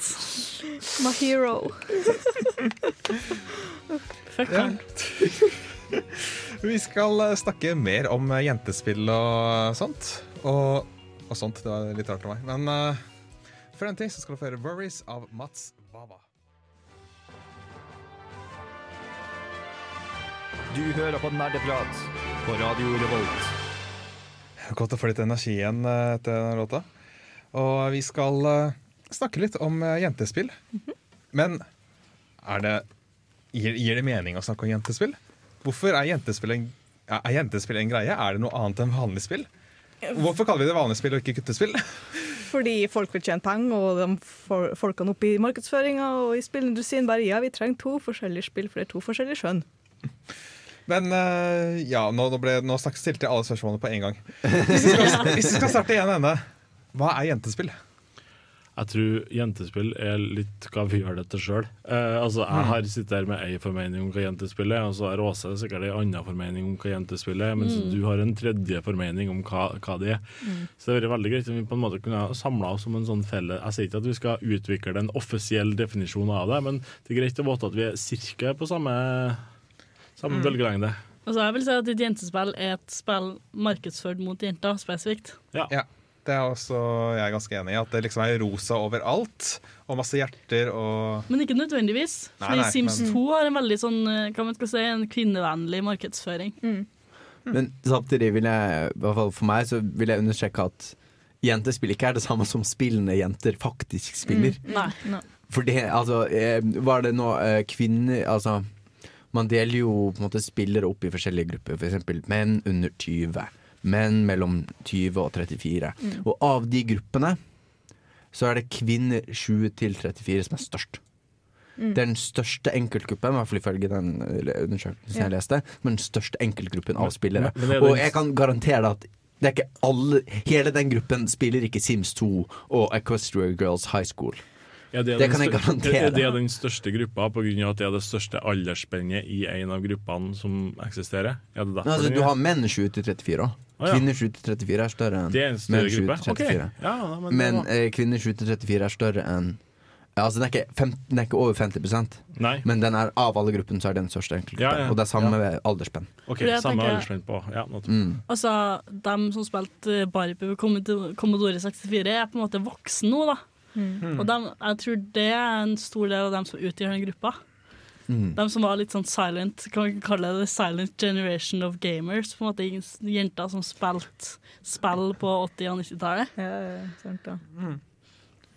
Så det var, ja, så, men eh, jeg er litt nysgjerrig på hvilke folk Fordi vi, vi hadde vel ikke den definisjonen innabords når vi i forrige uke bestemte oss for å ha dette temaet og bestemte oss for at alle burde spille noen spill i den kategorien. Nei, det var jo noen vet- som eh, søkte på Cute på Steam, og så Ja. hva de fant. Så, vi, så hvilke taktikk er det folk har brukt for å finne jentespill? Eh, Jeg har jo to yngre søstre, så jeg har på en måte forholdt meg litt i forhold til hva de spilte når de var, når de Ja. var små. da Ah, ja.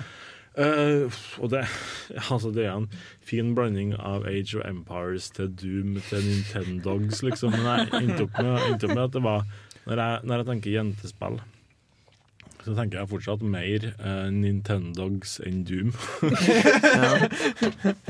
Selv om rent empirisk så er det like mye et jentespill. Ja, det er jo sant, det. Mm. Jeg har også Jeg, jeg har ikke fått uh, gjort noe research til i dag, dessverre. Men uh, ja, jeg vet hva, hva slags spill har dere spilt, da? For, Altså, som research? Fordi jeg gikk litt sånn leketøysruten. Hmm. At jeg tenkte, når jeg tenkte på jentespill, så tenkte jeg liksom på Barbie og sånn. Så jeg fant, jeg fant to spill. Jeg fant ett eh, liksom eh, spill som følger med et, en jenteleketøy. Altså det var da Equestria Girls, som er My Little Pony i sånn menneskevariant. De er litt, fortsatt litt testaktige, men de er mennesker på en high school, og, sånt, og så har de klær og sånn. Og, og, Og så er det fashion. sånn som ser ut som Sarah Jessica Parker? Bare, bare, bare, Bare med absurd lange bein. Altså 80% av høyden deres er bein. Det er liksom, de er, hvis, du ser, hvis du ser der liksom bunnen av ribbeina dine, cirka, der møtes beina deres. De er liksom Uh, så- ja, så de, de, er, de er litt rare. Men også, så det tok jeg, og så valgte jeg uh, Transformers Robots in Disguise. Og fant to spill, ett til hver av de. Uh, like høy ratings. De er liksom regnet som ca. like gode av sin målgruppe. Uh, og de er begge, jeg tror de er ute ca. samtidig og har litt samme situasjon. At du kan, du kan skanne lekene for å få bonuser i spillet. Så er veldig like spill, bortsett fra at den ene er til My Little Pony, og den andre er til Transformers. Og så spilte jeg de i en time ish hver. Uh, og slo noen sånne roboter. Og så uh, tok jeg en fotoshoot med et fint skjerf, og dere kan gjette hvilket spill det var i. Transformers. Ja, eh, skjer- skjerfet var i Transformers. Jeg Ja. transformet med et skjerf. Nei. Uh, I transformed my look. Oh yeah! men det var, men det var, det var en morsom opplevelse, fordi de var altså, som sagt ganske like, men, men store forskjeller. Jeg vet ikke om jeg skal begynne på analysen, eller om det vi kan sende ordet videre først. Ja, så når, jeg, når jeg skulle oppsøke jentespill, så tenkte jeg jo med en gang Nei, ja, da søker jeg på cute og girly og sånn på Steam og ser hva jeg finner. da. Jeg fant jo ganske mange via det, men jeg tror det jeg tror det jeg hadde gjort ellers, hadde var vært å fære til en faktisk lekebutikk. da. Mm. Og se jentespillseksjonen. Ja. det er jo det letteste. Eller, eller gått innom en spillbutikk og sagt at hei, jeg har ei datter på tolv år som jeg gjerne ville ha kjøpt et spill til. Jeg kan ingenting. Kan du fortelle meg hva jeg kan kjøpe til? Altså Hvis de er gode ansatte, så er de, ansatt, så er de liksom eh, rekommendert sånn uh, Tomb Raider og Mm, mm. Ja, Hvis du ser bort fra aldersgrensa, men Ja, ja. Eller noe sånt. Da. Noe, med, noe med jenta i. Ja, jeg har jo også spilt spill, og da liksom prøvd å gå inn i meg sjøl som kvinnfolk. OK, jeg er kvinnfolk. Hvis jeg skulle appellert til mitt kjønn, hva slags spill skulle jeg ha spilt da? Da gikk jeg jo inn på Steam, og så fant jeg OK, jeg er kvinnfolk, jeg vil gjerne ha kortsiktig, jeg vil gjerne ha det ekkelt, simpelt. Og så fant jeg et litt enkelt spill som heter eh, Plantera. Det er kort og søtt. Det er du skal plante eh, grønnsaker, trær, busker og harveste dem, altså ta og samle inn. Og prøve å slå back eh, eh, hva det heter, rovdyr, sånn åtseletere og skal prøve å ete opp dine crops da, og sånne ting. Kort, presist, enkelt, ikke noe å appellere. Men så fant jeg ut å, jeg har jo et kvinnfolkspill. Kitty Collector på min mobil. Neko Atsume. Oh, ja! yeah. Oh, yeah. Og det er å samle inn, Du skal legge ut sånne her boller, du skal legge ut sånne her klorestativ, du skal legge ut mat, skal du prøve å samle inn masse pusekatter. Det er kjempebra. Altså, det er Crazy Cat Lady the game. Ja. Oh, no, I'm a crazy cat. Nei, Du er bare elektronisk en, en Crazy Cat Lady. Ja, jeg ble det I tydeligvis. Cat Lady. Men det er veldig artig, for du kan også få sånn rare cat som Katmandu og Bob the Cat. Bob the Cat som er en gaupe, you know, Bob Cat. Oh, Anyone, yeah. Så- Og så Lady Mjau Meow. Eh, Kle, eh, kleine ordspill. Det går liksom på Ja. tvers av kjønnene, føler jeg. Ja. Det, det er sånn. Ja, og så hadde jeg altså, også prøvd litt sånne klassiske Candy Crush, men det ble for mainstream, så jeg prøvde eh, Frozen Freefall Snowball Fight, som er Candy Crush i sno- frozen form. Yay. Og som i Disney-filmen. Yes, riktig. Nei, men ja. Ja, nei, eh, og jeg gikk litt rundt på redaksjonen og spurte litt rundt av hva jeg skulle spille. Um, så jeg kom med masse forslag sånn eh, Det kom eh, eh, Hva heter det hundespillet igjen på Nintendo? Det? Nintendogs. Ja, Nintendogs og litt sånne ting. Og så kom den en som sa jeg trenger noe litt mer rosa, litt sånn skikkelig stereotypisk. Da fikk jeg Hello Kitty Online, som det var åpenbart flere som spilte der. Så det var litt morsomt. Men som jeg sa tidligere, jeg sleit veldig med å få spilt spillet. Men hvor bra var liksom selve spillspillet? Altså gameplay og Eller com combaten? Mm. Er det combat? Slåss du Ja, mot monstre? Ja, det er jo, det er jo Quest-basert, holdt jeg på å si. Det er jo Sidequests massevis, og så en main story der det handler om disse dyra du får osv. Og alt er veldig ros og sukkersøtt, og alle dialoger er sånn humoristisk. um, og ja, nei, det var et interessant spill. Følte at du ble mer kvinne. Nei, eh, jeg følte meg mer klein da jeg truet? satt og ble beskuet av mine venner og min kjæreste. Vi var inne på ordspillista, og låta, navnet på neste låt er også et slags ordspill. Her skal du få en Megaman 3-remix av Nosolvania. Denne remixen heter The Jazzassin. Radida! Ja! Vil til bardaga! Nerdeprat på Radio Revolt! Ja! Og du, Andreas, du har spilt uh, ikke bare ett spill, men du har ikke bare et jentespill, men du har på en måte spilt et jentespill og et guttespill. Ja, det stemmer. Og det, det lurer jeg litt på, hvordan var det? Å liksom oppleve de to forskjellige sider av uh... Altså, jeg, jeg begynte med Equestria Girls, og det var litt, sånn, det var litt morsomt. Eh, jeg synes det er, som jeg snakket om tidligere, jeg syns det er morsomt, morsomt å liksom finne klær og sånn. Jeg syns det er gøy. Uh, fant en sånn søt blazer uh, til da Fordi det, i dette spillet så uh, blir på en måte spillfiguren din med i den samme high schoolen som Equestria-jentene er på. Og så blir du venner med de og gjør quests, og da får du eh, mynter som du kan kjøpe klær for.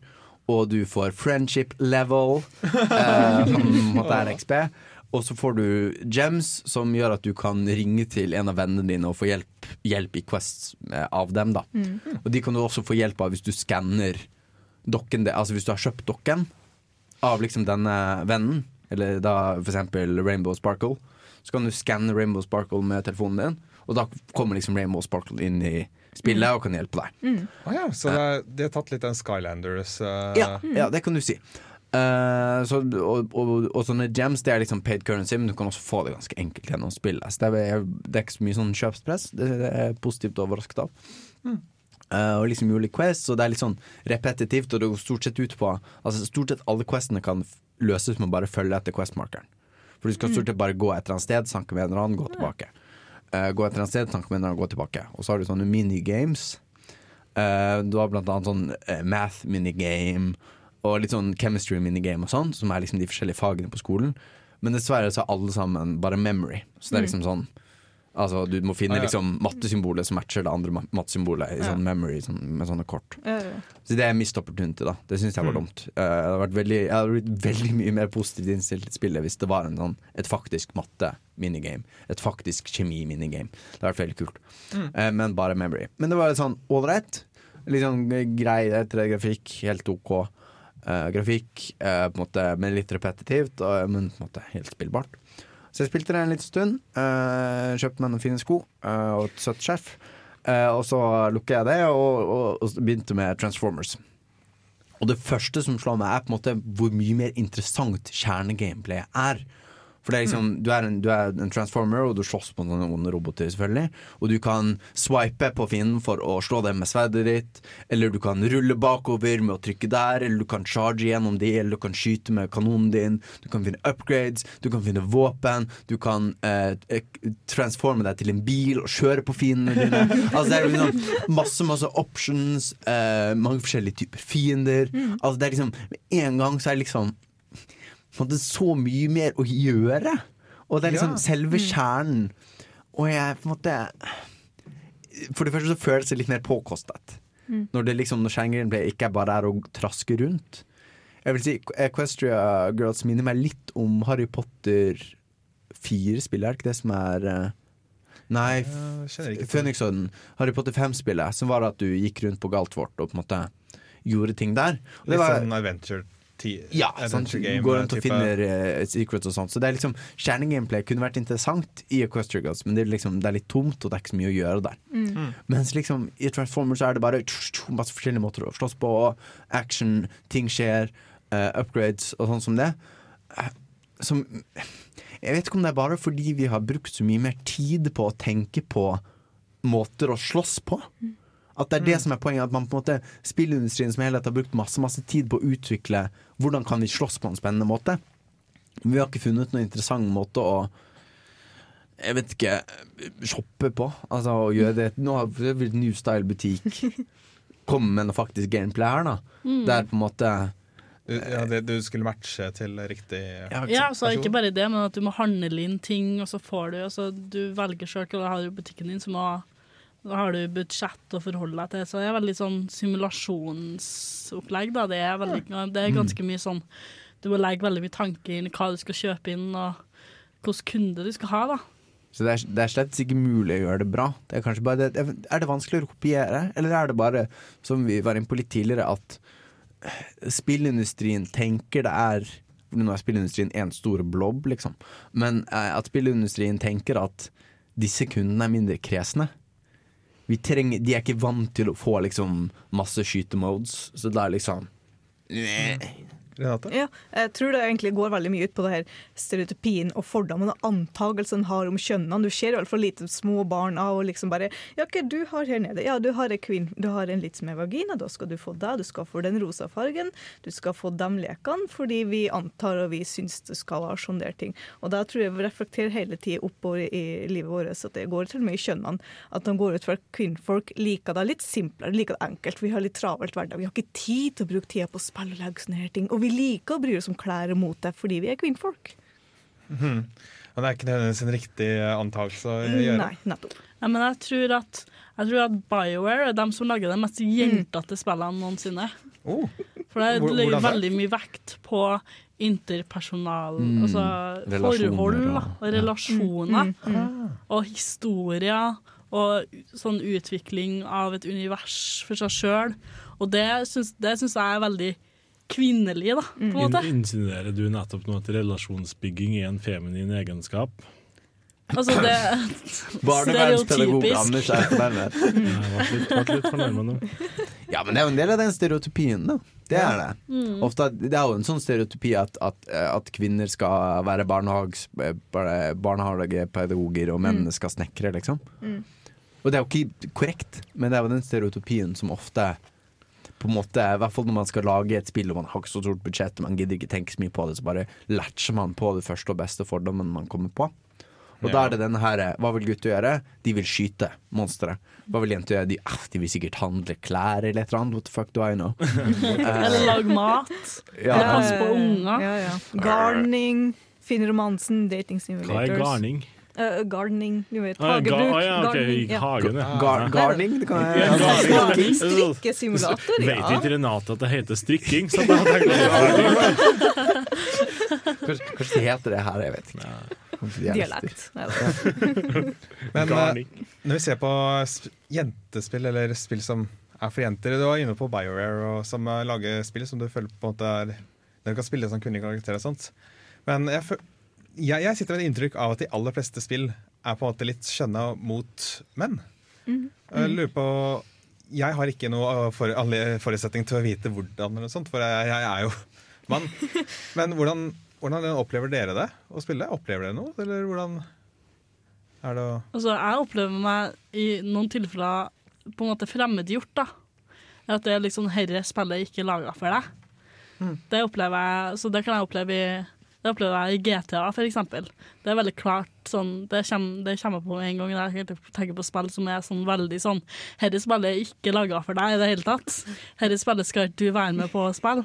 Ja, jeg tror det også varierer veldig forskjellig fra spill til spill, fordi GTA er jo kanskje skrekkeksempler på at det her er for mannlige ungdom eh, i 20-årene, mens eksempel Legend of Zelda, det føler at ikke ditt kjønn er så viktig for å nyte det her spillet. da. Og det er jo kjempebra, for det er jo liksom, du har to sider for altså av den saken. her. Du har liksom dem som er veldig går hardt inn for å prøve å skjønne og liksom, her er for deg og her er for deg, og noen som er litt sånn der Nei, bare hva faen du vil, bare kos deg så lenge du har det bra, liksom.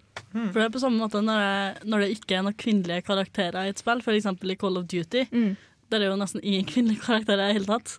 tenker jeg, da, da føler jeg at da er det ikke laga for meg. Da er det ikke meninga at jeg skal spille, egentlig. Mm. Og så er det forskjellen forskjell, som Star Wars Battlefront, der er det både kvinnelige og, og mannlige karakterer, og samme Mm. premisset. Skyt, vinn, vinn måla, vinn, ta da, liksom. Ja, At du rett og slett har forskjell at du har, Det, det gjennomsyrer ikke hele spillindustrien, rett og slett. da Nei.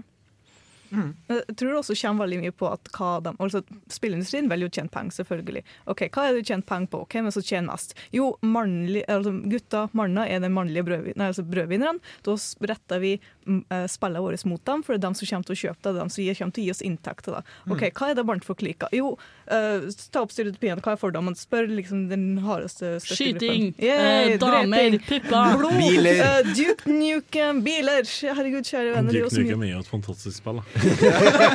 Sånn uironisk. Uironisk. Fantastisk spill. Jo, jo. Originale, ja, da. Ikke snakk om det nye. ja, altså, Men, men det, ser veldig, det virker veldig rart for meg at å skulle ekskludere halve jordas befolkning Er en måte å tjene penger på. Det er litt sånn Å bare redusere markedet ditt med 50% At det liksom skal være en fornuftig måte å tjene penger på. Mm. og så er det også sånn at man kommer liksom Å, men vi har hatt spillindustrien så lenge, så det er liksom vår eiendom. Det- det- det- det er en del av spillindustrien. Ja, ja ikke sant? Så Må kjenne det. Å nei, det Det er er jo noe for oss faktisk- sjøl. Det er gutteklubb, please don't touch. Det er jo faktisk et reelt problem at det ikke er nok kvinner i spillutvikling. Da. Mm, det er det Mm. tror jeg er en del av problemet. Ja. Så med det så tror jeg vi avslutter denne sendinga her. Vi har snakka litt om eh, jentespill og eh, hvordan de er eh, Hvordan det er å spille dem og sånt. Og du kan følge oss på sosiale medier eh, hvis du ønsker det. Søk opp eh, Nerdeprat. Og hvis du hører på oss direkte nå, så, det- så blir det etter den låta ukesjefvalg her på Radio Revolt. Yes, bra, bra. Men eh, det var det. Da takker vi for oss. Ha det bra. Ha det bra.